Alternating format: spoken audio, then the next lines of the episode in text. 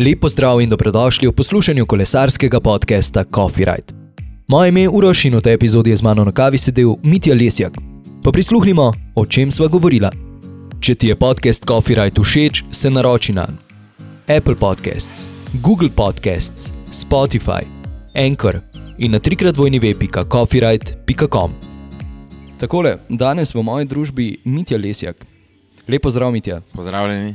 Ja, eh, si bivši motorist, torej eh, tekmoval si s cestnim motorjem na dirkališčih, pa eh, popravljaš avtomobile, če sem prav videl. Drži, Eh, drži. zdaj, zdaj zadnje leta pa si na kolesu. Kako bi pa v bistvu ti samega sebe predstavil nekomu, ki ne pozna Mitje? Hm. Zanimivo.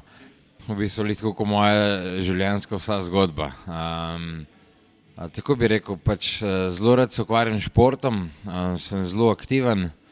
Tako da, kar se tiče športa, ja, prej nazaj sem se ukvarjal z motociklizmom, od začetka amatersko, potem pa um, bi rekel, ko me neka stvar potegne, gremo tu uh, na vse ali pa nič. Um, tako da isto je bilo pri motorju, od začetka bolj amatersko, potem pa profesionalno, tudi na prvenstvo Alpe Adria, Evropsko prvenstvo, kjer sem bil uh, drugi do 23 let.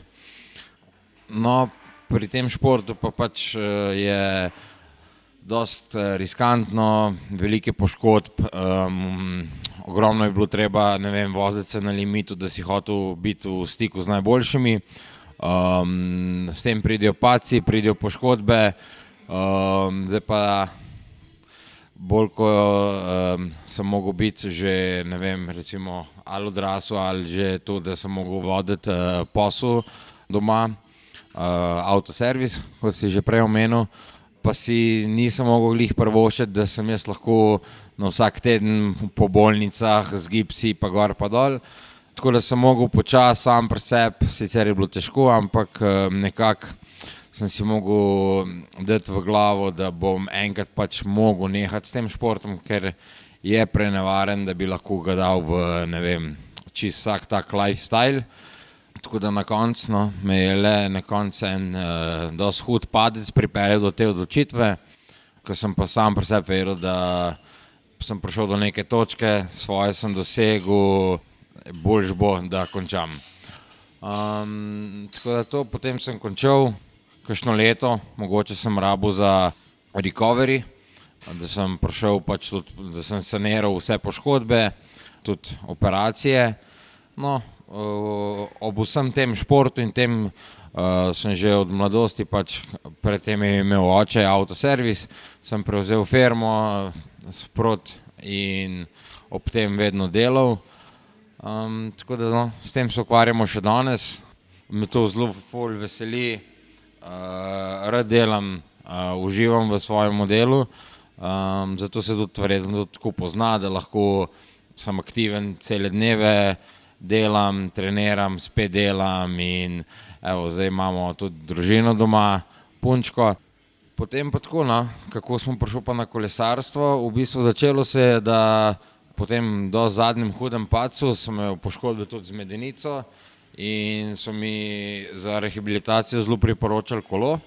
No, moram reči še eno stvar, da recimo predtem, ko sem profesionalno bil na motorju, so priporočali recimo kolo kot um, zelo dober trening za kondicijo. Tega nisem maral. Ne. Uh, veliko kraj sem se ukvarjal, recimo, da sem šel na motocross, s tem kolom je bilo pa vse neko. In sem rekel, kako to lahko po dve ure so na kolesu, mislim, ne, to je bilo za me čist. Ne. Tako da veliko kraj sem šel teč, veliko kraj sem vse drugo delal, ko sem kolone. Uh, no, na rehabilitaciji pa so me postavili na sobni kolo, tam sem začel, začel, začel. In potem sem rekel, ok, Dajmo mi proba, če je malo za na cesto. Kupil sem si prvi skot kolo, počasi začel. Začel 40 km, 60 km in pa kar ne vem, po kakšne pol leta sem odpeljal prvih 100 km in to je bilo wow, to je bilo uh, nov svet. Postalo mi je všeč in evo, potem pa iz dneva v dan. In zdaj smo tu, ne? In zdaj smo tu. Super. Snemava podcast Coffee Ride. kakšno kavo rad piješ, jo sploh piješ, kakšna ti je najbolj všeč? Uh, kavo pijem, načeloma mi je kar dosti en, kakšno podaljšano. Um, če bom pa recimo tako kdaj, da gremo pa na nekaj tako, pa mogoče kapučino. Omenil si že, oziroma oba sva že omenila, prešel si iz eh, cestnega dirkanja, oziroma dirkanja z motorjem na cestno kolesarstvo, pa vmes eh, še motocross. Dokaj nov si v kolesarstvu. Kako si se v bistvu s tem potem spoznaval? Um, um, v bistvu tako. No. Uh, na kolesu sem najprej začel kolesariti sam, tudi uh, mogoče že v, v mojih prejšnjih uh, vseh športih. Uh, zelo sem bil tak samosvoj, uh, nisem bil za te družbene športe zelo velik. Uh, tako da vsega sem se delal, pa lotil sam. Um, je pa res, da recimo eno stvar sem se naučil v življenju, mogoče me tudi oče naučil, da v stvareh, v katerih ne veš, je dobro poslušati nekoga, ki ima znanje. In vedno sem bil pristaš tega, tako da tudi um, vse, kar sem recimo v motošportu se naučil, pa to uh, nikoli nisem bil nek uh, uh, tak, da bi rekel, je, zdaj pa jaz vem vse, v bistvu, ker ne vem, ampak sem bil zelo tak, da sem z veseljem prisluhnil in uh, se učil od ljudi, ki to delajo profesionalno in ko o tem znajo. Isto je bilo recimo v kolesarstvu, ko sem šel recimo uh, na prve, uh, kako se reče, že te nedeljske runde, variante. Pač nisem imel po domače povedano pojma, kako se pelati v grupi, uh, kako karkoli menjave delati. Nič, meni ni bilo nič jasno, me je pa ful zanimalo. In v tem času um, sem spoznal Simona Cirenskega. Njemu sem rekel, da bi pač rad začel neki kolesar, začel bi rad trenirati, mogoče, uh, rad bi napredoval. In res lahko rečem, no, da evo, od, od takrat do danes sva, mislim, da je tega že skoraj bo, bo tri leta, odkar vsak dan bi lahko rekel, da sodelujeva, oziroma on meni piše treninge od prvega treninga naprej, ki mi ga je napisal, je bilo to meni všeč in mi tu uh, zelo sedi, tudi na moj lifestyle, ker uh, ne vem, recimo grem zjutraj v delavnico, pa ko končam z delom, zdaj grem na kolo, aha, zdaj pa nimam pojma, kaj čem delati za trening, kaj čem narediti danes. Lepo odprem njegov program, aha, za danes mi je to pa to napisal, naredim trening in sem čez dve ure spet lahko recimo doma imam čas za družino. Tako da, glede na lifestyle, mi to ful sede in dejansko tako, tako sem prišel do danes no, s tem kolesom. Kulsko. Na tem mestu malenkost prekinjam tale podcast. Odločil sem se namreč, da o treningu poprašam tudi Simona Cirnskega. Pa prisluhnimo, kaj je povedal o Miti in njegovem treningu. Simon, povej mi, z Mitijo sva govorila, sam je povedal, da sodelujete že skoraj ali pa dobra tri leta, kakorkoli, se je v teh zadnjih nekaj mesecih, odkar je začel trenirati uh, za kronometer, tudi trening temu prilagodil, sklepam, da se je. Pa me zanima, mogoče tudi, če je velika razlika med, uh, med treningom kronometra in treningom navadnega cestnega kolesa. Eh, v bistvu, ja, res je, z Mitijo mi dva zdaj sodelujeva že približno dve leti, pa pol, nekaj tašnega. Ja, v bistvu on si je On si je tisto leto nazaj že zaželel, da bi mogoče malo več podarka dal na kronometer, da bi se mogoče nekako probal v tej disciplini, ker je videl, da v bistvu na cestnem kolesu bil vedno zelo hiter. Pač to tudi vidimo v bistvu po njegovi konstituciji, se pravi po nekih telesnih predispozicijah, da je pač res močan uh, in se lahko pač hitro pelje. Tako da ja, v bistvu pol leta nazaj je tudi. Uh, tu bo kronometer kolo in v bistvu takrat so se začele priprave za, predvsem najprej je bilo mišljeno, da bodo to v bistvu kronometri za pokal Slovenije, ki pa pač v bistvu pol se je izkazalo, da pač tega zaradi uh, COVID-a v bistvu ne bo, uh, se pravi se v pokalu Slovenije. Kronometer, oziroma disciplina kronometer, ni izvajala, tako da smo pol v bistvu našli to eno opcijo in sicer uh, King of the Lake, Se pravi, en in edini kronometer, ki ga je pač v bistvu bomo uspeli speljati, oziroma so ga uspeli speljati v tem letu. In ja, se pravi, uh, na začetku, sem tako pogledala, kakšne bodo v bistvu te potrebe za kronometer, ker King of the Lake je eden izmed najdaljših kronometrov, kar se jih pač vozi uh, v tej naši okolici. Če pogledamo napram drugim kronometrom, ki so mogoče nekje do 25 minut, pol ure, se pravi ta max do nekih 20-25 km, ta je ta kronometer dolg, kar 47 km in pač zahteva dejansko eno uro maksimalnega napora. Ne. In v bistvu, ja, se pravi, ker smo rekli, da se bomo pač osredotočili res na ta kronometer, se je v bistvu tudi sam trening malo spremenil. Največ v bistvu vsega je zajemalo to, da smo se dejansko tega kronometra kolesa oziroma kronometrce predvsem eh, dolgo časa navajali, kar pomeni v bistvu, da je Mitja mogel kar veliko časa preživeti ne na cestnem kolesu, ampak se pravi na temo kronometra kolesu, ker pač vemo, da eden izmed dejavnikov za uspeh uh, v kronometru je to, da se v bistvu ti na kolesu dobro počutiš, da si lahko dolgo časa v, v tisti aeropoziciji, se pravi, da ni nekih korekcij pozicij med samo vožnjo da si pač lahko res uh, sfokusiran v tisti poziciji.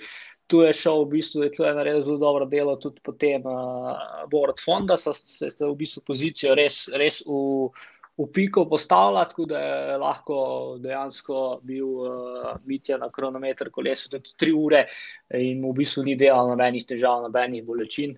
Tako to je v bistvu prvi del, ki smo ga pač v bistvu veliko delali, tako da je on na tedenski ravni nekje sedem ur sedem, ja, nekje sedem, sedem pa pol ur na teden je bil sam na kronometer kolesa. Sedaj pa v bistvu pol ta del zahteva tudi dejansko specifičen trening. Že iz tega vidika, ker je napor bil res maksimalen, je trajal približno eno uro, oziroma na koncu je trajalo eno uro, pa eno minuto. Se pravi, smo hoteli tako mitijo telo, kot v bistvu tudi glavo in se pravi občutek tega napora, da je bil pripravljen eno uro dejansko trpeti. Eh, in biti fokusiran, uh, smo v bistvu mogli delno simulirati tudi nekaj podobnih treningov, se pravi, da so bili neki intenzivnejši intervali, ki so bili relativno dolgi. Začela so tako, da smo začela z nekje uh, eh, 25 minut do pol ure, da je v bistvu dobil občutek, kako je voziti pri višjem naporu tukaj časa v tej poziciji. Pa se pa skozi v bistvu trening naredila progresijo, da so pač te intervale, oziroma ta interval podaljševala, se pravi, proti 40 minutam, 50 minutam, in pa na koncu v bistvu nekje približno eno uro. Eh, vmes je pa v bistvu ostal trening, pa bomo rekli, ni bil nič ekstra bolj specifičen, še vedno smo se kar veliko držali eh, polariziranega pristopa in pa treningov, ki so mu bili v bistvu znani iz, iz, uh, iz cestnega kolesa. Tako da ta del ni bil nič eh, pretirano drugačen. Eh, edina razlika je bila v bistvu to, da smo komponirali te, bomo rekli, neke simulacijske vožnje oziroma eh, intervale, ki smo pač eh, ga postavili v podobno okolje, ki ga pač doživljamo na, eh, na sami dirki. Na preostal trening, kar je bil pa v bistvu na cestnem kolesu, so pa v bistvu predvsem neke nizkointenzivne vožnje ker pač smo pač še vedno vedeli, da nizki intenzivni del je še vedno ključen tu. Vmes smo pa v bistvu tudi naredili uh, en spon, se pravi, to je bil spon na krvavec, zato da smo ga še vmes malenkost potestirali, da je naredil en hitrejši, intenzivnejši spon z, še z drugimi kolesarji, ker je v bistvu res dal svoj maks, da je v bistvu tudi začutil, kako izgleda, če greš 45 oziroma 50 minut, res od daska, tako da priješ eh, do konca, pa se, pa se dejansko sesedeš. To je bilo eno tri tedne pred uh, samim King of the Lake. To je bilo pa v bistvu to, se pravi, del. Del, del je bil specifičen iz vidika nekih simulacijskih voženj, ostal, ostal trening pa se ni pretirano veliko razlikoval od tistega, kar je že delal na cestnem kolesu. Razlika je predvsem to, da smo šla na uh, kronometer. Kolo. Mitja je sam zase rekel, da je zelo zadovoljen z rezultatom, da bolj kot, oziroma ne bolj kot ne, da nič v bistvu ne bi spremenil, nič ne bi mogel izboljšati. Kaj pa tvoj pogled? So še kakšne uh mhm. -huh. možnosti za, za izboljšave? Uh, ja, to smo se v bistvu tudi mi dva, mi dva že, že pogovarjala. In uh, sem že mu v bistvu takoj povedal, uh, da prostora za napredek definitiv, definitivno je. Ampak da gremo v bistvu na sam rezultat, jaz sem bil že s samim rezultatom zelo pozitivno presenečen, ker je res odpeljal za nekoga, ki je v bistvu kronometrco šele spoznaval. Res, res odličen kronometer, tudi eh, v bistvu tehnično, se pravi, glede na to, da je teren vmes malenkost zgor dol, se v bistvu držal tistih navodil, eh, ki so jih zastavila in eh, od začetka do konca vsaj po podatkih, ki sem jih imel jaz, ni naredil niti ene napake. Na, se pravi, na kronometru, ki je dolg eno uro, s katerim ni imel niti približno izkušnje, ni vedel, kaj ga je čakal, se je v bistvu znašel dobro, odpeljal. Če so v bistvu vse naše pričakovanja. In uh, ja, v bistvu to tudi pove rezultat, se pravi, da je za, za las grešil tisto deseterico uh, najhitrejših. Seveda, za naprej, za izboljšave, pa seveda, mi je še kot kolesar, relativno na, na začetku, se pravi, kolo spoznava šele ne vem, tri, tri leta, mogoče tri leta, pa pol. Tudi njegov telesni razvoj, njegove sposobnosti so še v, v sponu, oziroma kako bi rekli. Se pravi, se še vedno razvija, se bo še razvijal, kot vemo, pač se pravi, kolesarstvo traja kar nekaj let, da se pač res dobro razvijemo. Tako da osebno sem mu tudi povedal, da za naslednje leto, če bo event, da bi se spet odločili in se v bistvu pripravljali uh, na to, in seveda tudi na ostale kilometre, ki, ki, ki jih ima pač cilj oziroma željo. In ja, pač želimo in sigurno bomo pač ta rezultat še izboljšali, sploh z Mitijo, ki je res predan, oziroma pač, ko se odloči, glavo postavi na mesto in. Uh, naredi to, kar je treba, in na koncu tudi pač, uh, odpelje stvar do konca. Pač pa dobimo en med pač res takih dobrih rezultatov. Super. Glede na to, da si prej najbrž tudi pošraufal, kaj je motor, uh, si tudi zdaj sam kaj pošraufaš na kolesu ali raje odpelješ na servis? Um, že tudi pri motorju je bilo tako, v bistvu, da vedno. To je bilo zelo dobro. Vedno pred kakšno dirko si hotel še kaj motor, pa še kaj narediti, vedno si naredil slabše, boljše. Uh, tako da, ok, motor je le malo bolj specifičen, več je noter uh, neke mehanične stvari, kot pri kolesu. Uh, tako da tam sem velik sam šraufov, kar je bilo takih stvari. Mm, Malenkosti bi rekel, kar je bilo samih agregatov, motorjev, pa to je mogoče bolj uh, prevzel to stvar oče, kar je bilo pa drugih, recimo od vzmetenja in ostalih stvari, smo imeli pa vedno na dirkah eh, profesionalce oziroma prav firme in ljudi, ki so se s tem ukvarjali. Recimo vzmetenje Elins je bil prav nekdo, srkonjake delo Elins in so potem to oni nastavljali. Pri kolesu, evo, iskreno, tudi verige si sam ne zamenjam, ampak res zgolj zaradi tega, ker Um, moram reči, pač imamo ful dobro uh, podporo strani JB centra. Oni res uh, poskrbijo za vse, kar rabim pri kolesu.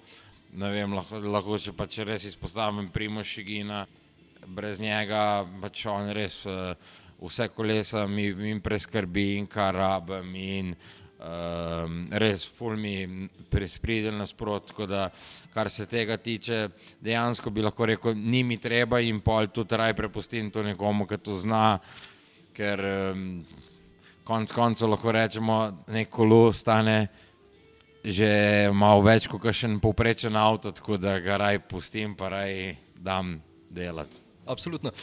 Ko sem eh, prebiral komentarje, to se zdaj nanaša sicer na Copyright, ampak Nekdo, katerega imena ne vem, je komentiral, da ga zelo zanima, kakšna kolesa vozijo ljudje, s katerimi sedim na kavi. Pa vem, da, da ti poseduješ kar eh, vsaj dva, za katera ju vidim po slikah, da sta kar zanimiva. Katera dva sta? Um, ja, no. Uh, v bistvu lahko zdaj, če grem še v zgodovino. Evo, prvi kolo, ki sem ga imel, je bil, uh, niti ne vem, kater model, vem, da je bil Trek.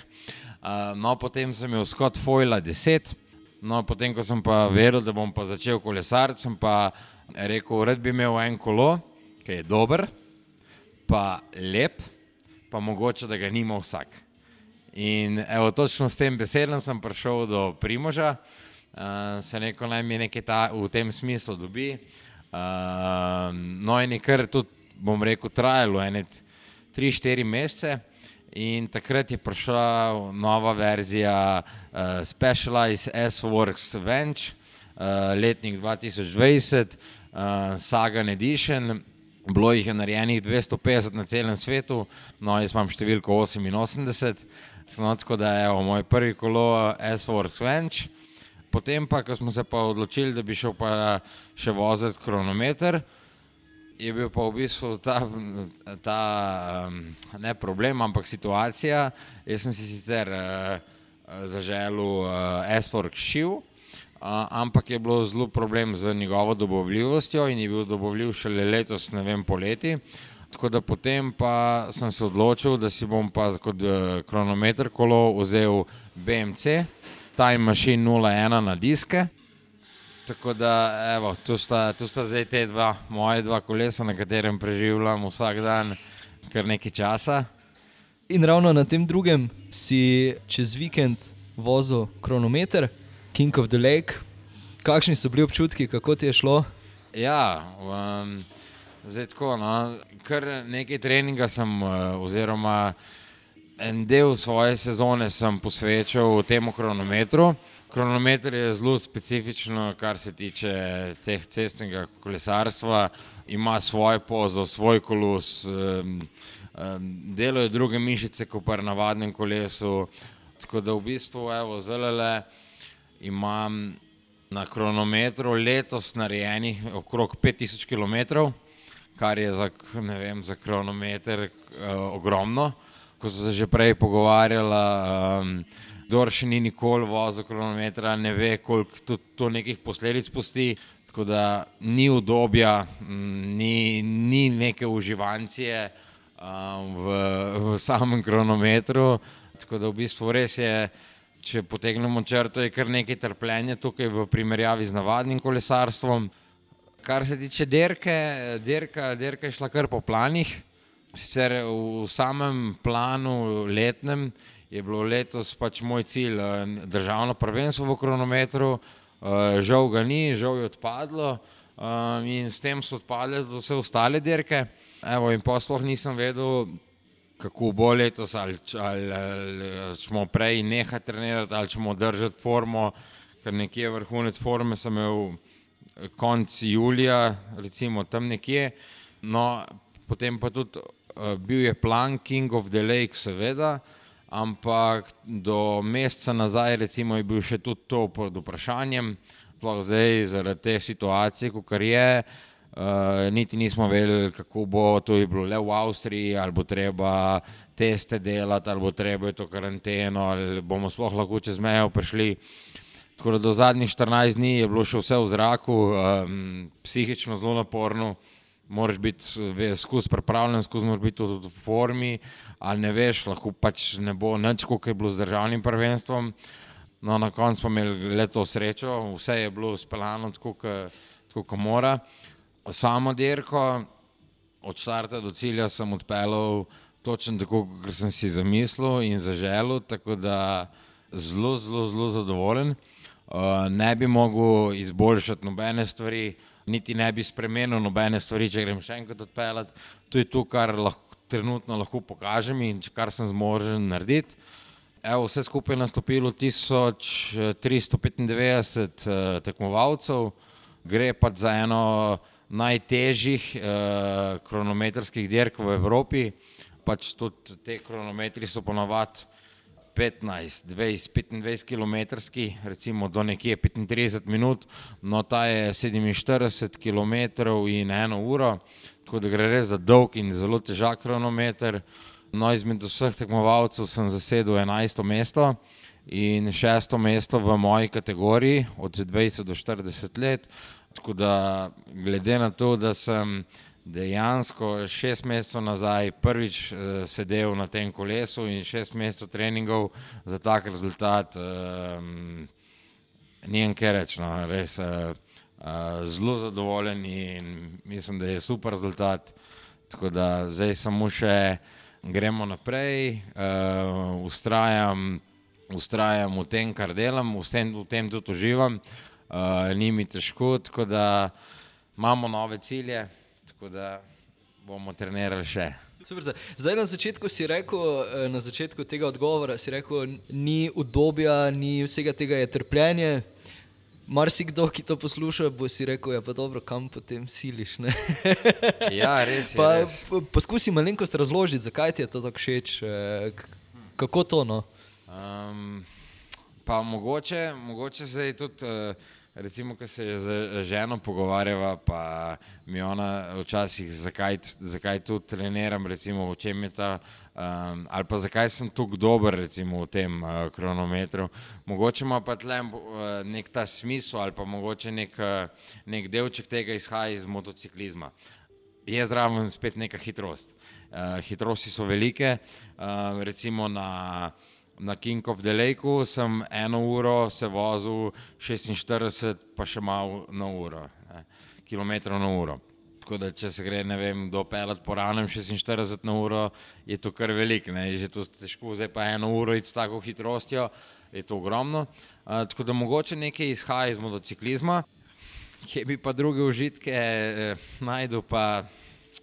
Ne, ne, vem. Ne, vem, ne, vem, ne vem, s katerimi besedami bi nekoga prepričal v ta šport. Um, uh, pač, tudi sam kronometer, uh, derkaš sam sabo. Vsi imajo iste pogoje, uh, ne derkaš z nikomer, derkaš samim seboj, štartaš, štarta do cilja, ti in kolu. In to je vse.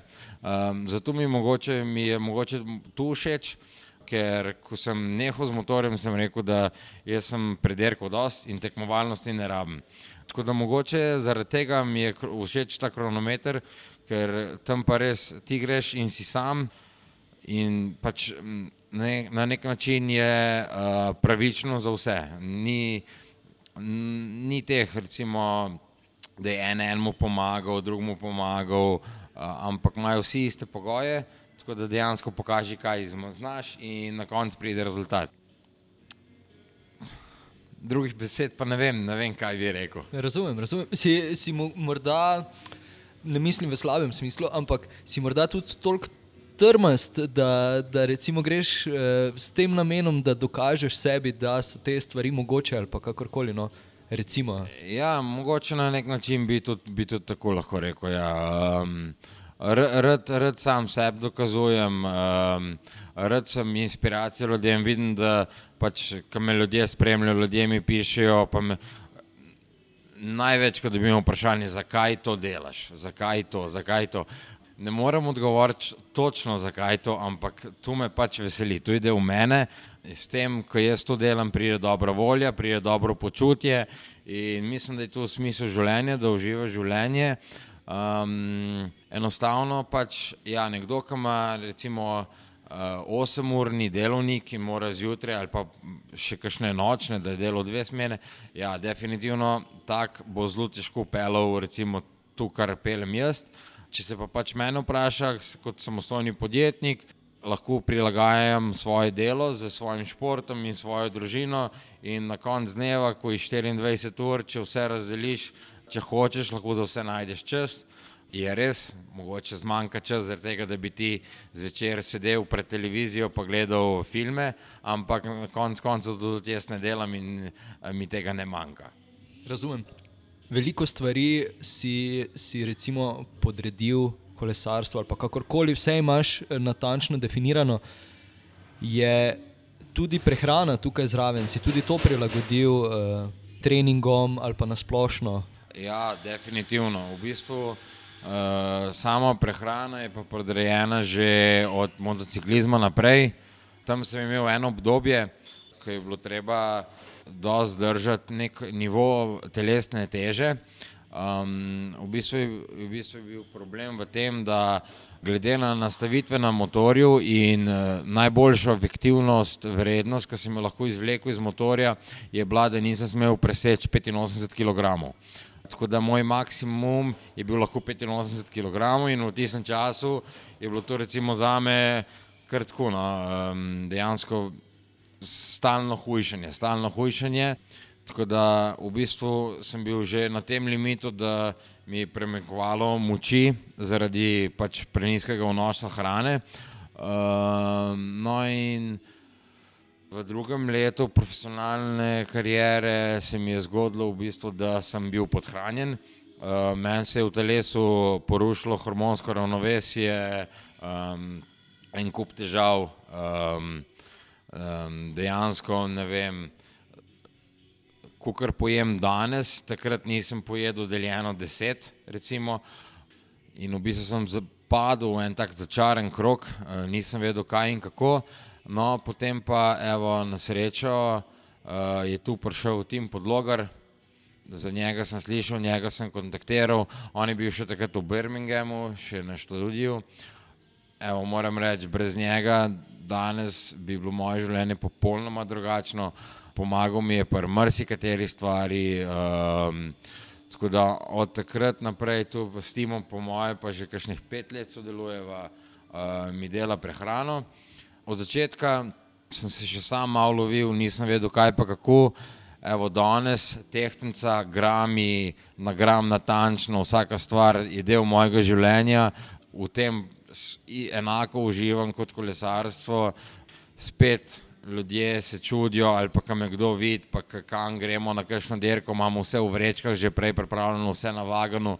Um, ja, pač tu mi je res všeč in um, mi ni problem delati.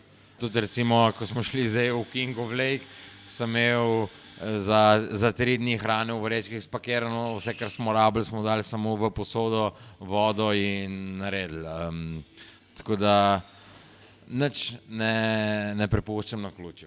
Ravno to so bile moje besede, pripravljene, da bi ja. rekel. Tudi tukaj sem izkoristil priložnost in prosil Tima Podlogarja, da malenkost razloži, kako sta se z Mitijo lotila njegove prehrane. Glavna sprememba, ki smo jo z Mitijo naredila v času priprav um, na King of the Lake prireditev Dirko na čas je bila, da smo iz njegovega programa umaknili vse vožnje na a, tešče, pri večini treningov pa je tudi užival ugljikove hidrate.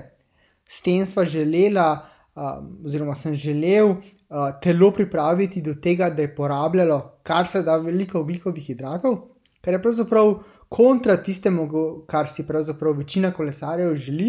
Ampak v primeru, ko govorimo o neki športni aktivnosti, ki traja do ure, ure in pol, si pravzaprav želimo porabljati kar se da veliko oglikovih hidratov, ker so ti veliko bolj učinkoviti od maščob.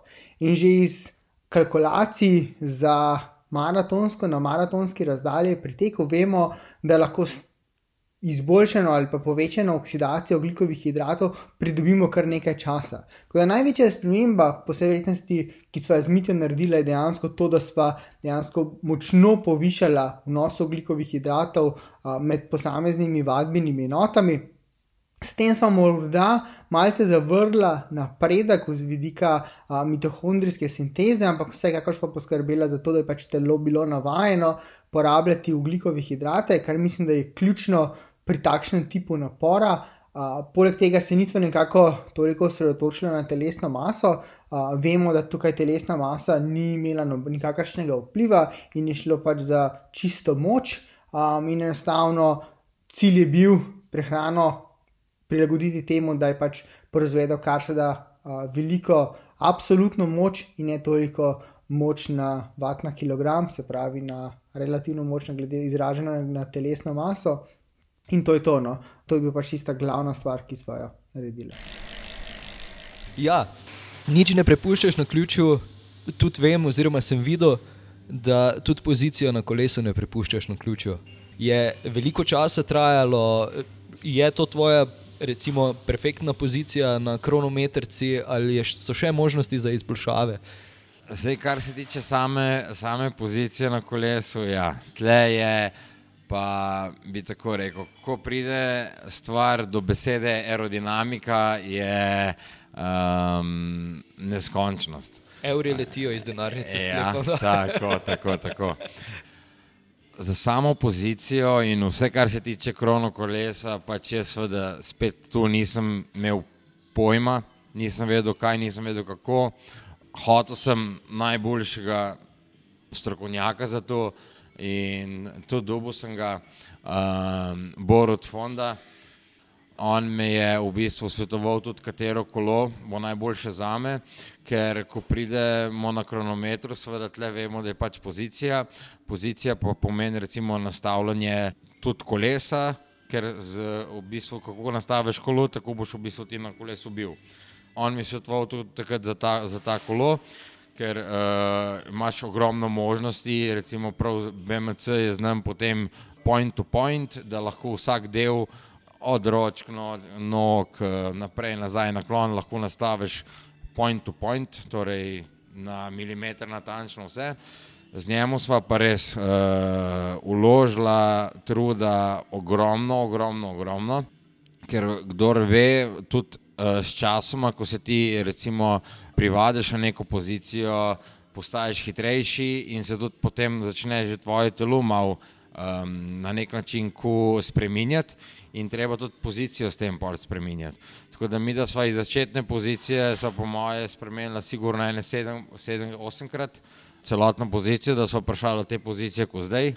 Bi pa lahko no, zdaj uh, rekel, da pozicija je vrhunska, tudi ogromno drugih uh, uh, ljudi mi je to povedalo, tudi uh, lih včeraj ta trener od hrvaške reprezentance, amaterske, mi je napisal, da pozicijo imam pa res noro.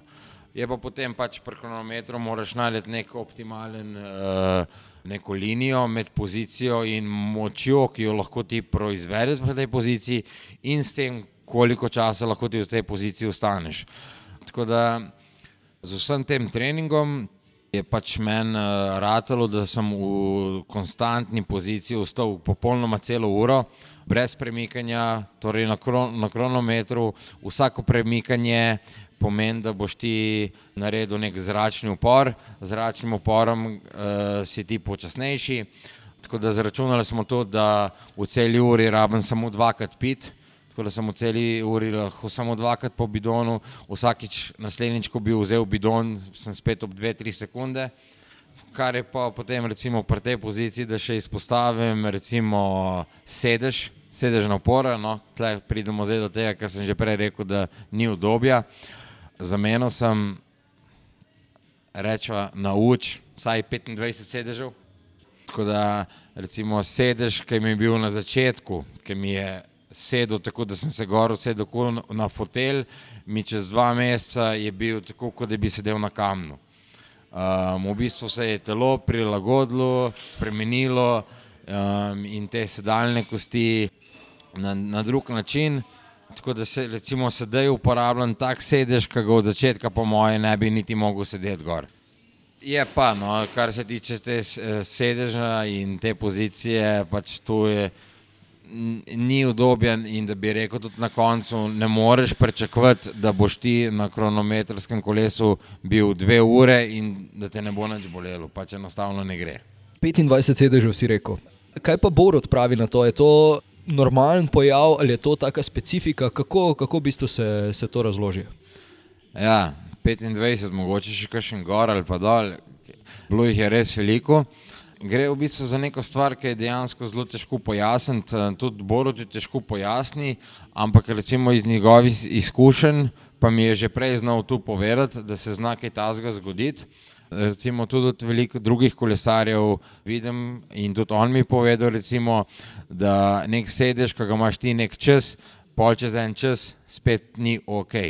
V bistvu pri meni je bila pa situacija taka, da enostavno um, moje kosti oziroma moj položaj na kolesu, ki je bil tako agresiven, so se ne, nekako moje kosti ali prilagodile ali pa spremenile na, na tem, kje sedim. In s tem, seveda, tudi sedeži niso več odgovarjali. In sedež, ki mi je od začetka odgovarjal, mi potem ni več odgovarjal. Um, in v bistvu ta ta sam proces tega spremenjanja te sedaljne površine sem opazil tudi s tem, ker uh, mi je na S-Works, navadnem kolesu, ker je pač navadna pozicija, sedež, na katerem sem tam sedel. Um, Pet ur, šest ur, brez da bi se presedel, mi je čez dva meseca bil tako neudoben, da sem po dveh urah mogel zaključiti in sem bil že čisto žulen. Um, dejansko uh, se je sama pozicija spremenila in na kronometru, ker je tako agresivna pozicija naprej, ko sem jaz prišel na navadni kolo, ker tam recimo sediš, bi lahko rekel, v primerjavi z kronometrom kot na kavču, mi tisto ni več pasalo. In ni mi bilo ok, tako da sem tudi na navadnem kolesu mogel spustiti od spredi balanco, da je bil večji drop. S tem sem dosegel, da je pač bil pozicija na kolesu že podobna kot na krono kolesu. In potem sem tudi sedež zamenil s takim, da je bil podoben kot na krono kolesu, da sem lahko dosegel neko simetrijo oziroma neko, vsaj neko podobnost, da ni prišlo do teh razlik in da mi je dejansko sedlo, da jaz lahko zdržim oziroma da brez ožuljene riti ali um, kakršnih koli problemov zdržim na navadnem kolesu lahko do 4-5 ur. Tako da ja, ogromno, ogromno um, nekega dela, um, um, menjav, uh, prilagajanja, bi pa tu mogoče tudi uh, za vse druge um, in povedal, ali pa recimo tudi tle mi je Borod zelo dobro znal povedati, stvari spreminjati korak za korakom. Če spremeni sedež, uh, ne, ne jutri spremeni, če je naklon krmila balance, ampak probej, testiraj, naredi nekaj kilometrov in potem se loči na naslednje zadeve. Ker uh, če zamenjaš več stvari naenkrat, potem se boš v bistvu se zgubiš in ne veš, um, katera stvar je bila zdaj dobra, katera stvar je bila slaba. Ne. Tako da, ko bi rekel na nek, tak, nek ja, drug izraz, um, potrpežljivost je tu potrebna.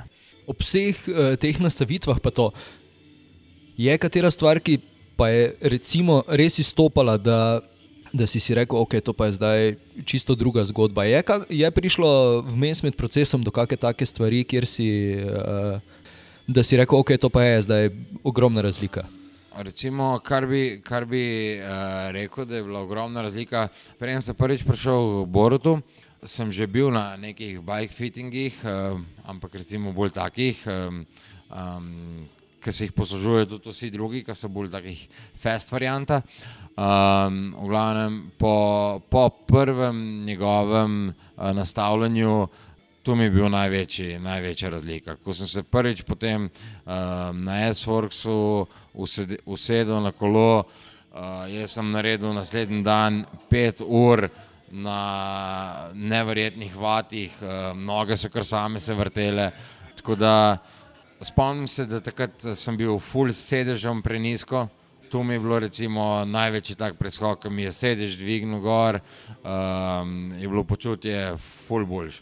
Pri kronometru pa je tudi uh, ena taka stvar bila, ki je bil nek preskok naprej in v bistvu tu je bil ta kokpit oziroma prve te kronometrske ročke, ko smo z Borutom prišla iz uh, navadnih uh, kronometrskih ročk, sva v bistvu zamenjala jih za dosku uh, podobne, ko imajo recimo zdaj vozijo to measure, ki jim naredijo otis. No, mi da sva dala gor od aerokoča, ki so zelo podobne temu oziroma nek na nek način univerzalne za vse sicer, ampak je narejena po roki. Um, drugačen naklon in od teh uh, ročk naprej bi lahko rekel, da tle je bila občutna razlika na udobju. Uh, lažje sem v bistvu krmilo kolo in takoj se je poznalo recimo tudi na hitrosti. Uh, tle, to je bila recimo stvar, ki bi lahko rekel, da sem jo jaz takoj zaznal kot nekaj, neka sprememba poleg vseh treningov, poleg vseh eh, tekem, vsega, je bilo najbrž tudi nekaj coffee rajdov. Je kateri, eh, ki ti je ostal posebej spominu, da si rečeš, ok, tukaj bi se še stokrat zapeljal, se vsedel na kavo. Je katera takšna trasa, ki jo imaš najraje? Um, pa v bistvu tako, uh, sigurno je. V bistvu, kar sem treniral na kronometru, uh, seveda s kronometrom ne moreš iti nekaj ogromno klancev, tako da fur smešno, če kdo pogleda mojo stravo ali pa že parkrat sem slišal, ej ti pa greš vedno eno in isto. Vedno eno in isto. V bistvu je res, uh, skoraj vseh 5000 km na kronometru sem naredil po eni in isti trasi, tu pa pač iz uh, dveh, dveh uh, stvareh, zato ker lahko sem na teh trasah, sem lahko v bistvu uh, določene iz- izseke, ki so bili na, uh, na tej progi, uh, sem lahko testiral, recimo, katera stvar mi sedi, kje sem bolj aerodinamičen in to. Po drugi strani pa samim kronometrom, kot vemo, pač ne, ne, pozicija je od spredaj, brez zavor, ne, v samih ročkah, um, ne, je zelo težko se pelati nekje, ki je full prometa. Tako da jaz sem pač izbral si neko cesto, ki je zelo malo prometna in da nimam nekih težav, ker s kronometrom iti po mestu, to je zelo nevaren. Tako da potem, pa, ko nisem na kronometru, ko grem pa na coffee ride, pa ja, um, grem vedno v drugo smer, neka posebna, ne vem. Težko, težko, težko rečem, kaj bi bilo zdaj, da bi. Je pa tako, no, rad grem potem pa tudi v kakšne, da se zapeljem z avtom v kakšno drugo, m, recimo na Primorsko, pa grem tam kakšen krok. Um, rad grem recimo na Gorensko, pa tam kakšen krok odpeljem. Um, sicer lani sem tega veliko več počel kot letos, pač li zaradi tega kronometra letos, no tako da moram zdaj kaj več Nadoknaditi. nadoknaditi. Okay. Pri koncu sva, še mogoče kakšna misel, kakšen svet, karkoli ti pade na pamet. Ja, v bistvu najbolj, kar bi pa čest rekel, um, je to, da vsak se bo najdel v tem, če bo v tem užival. Um, tako da tudi na koncu jaz, ko potegnem črto nad vsem tem, pa mi recimo ne bi bilo treba toliko časa posvetiti temu ali pa, treningom, pa tukaj trpeti za to, pa vse. Ampak če v tem uživaš, je v tem tudi uspeh in z uspehom pride dobra volja, z dobro voljo pa se da narediti vse. Odlično, Mitja, najlepša ti hvala. Hvala tudi vam. Miti je še enkrat najlepša hvala, da si vzel čas za kavico in pogovor. Mi se ponovno slišimo prihodnji petek. Če ti je podcast Coffee Right všeč, se naroči na Apple Podcasts, Google Podcasts, Spotify, Anchor in na trikrat vojni web.coffeeright.com.